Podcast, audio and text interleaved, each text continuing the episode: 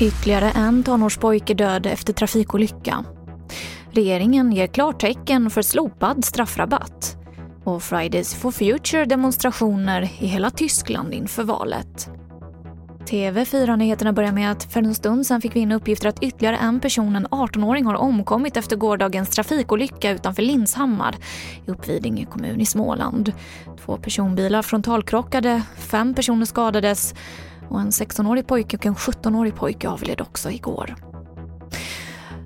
Regeringen går vidare med förslaget om slopad straffrabatt för unga vid allvarlig brottslighet. Det här sa justitieminister Morgan Johansson på en pressträff tidigare idag.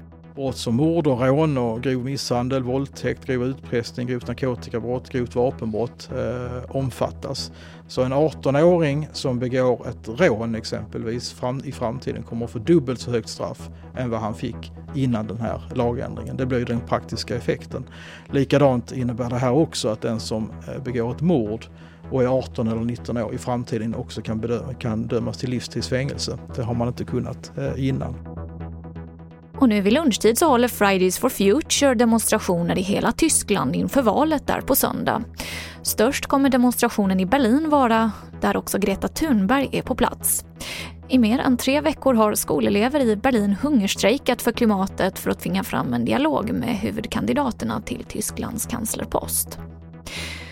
Och till sist ska jag berätta om en fransk kock som vill sätta ett lite annorlunda rekord, nämligen med flest antal ostsorter på en pizza. Tusen olika sorters ost vill han få med på sin pizza och rekordförsöket ska genomföras imorgon på en restaurangmässa i franska Lyon.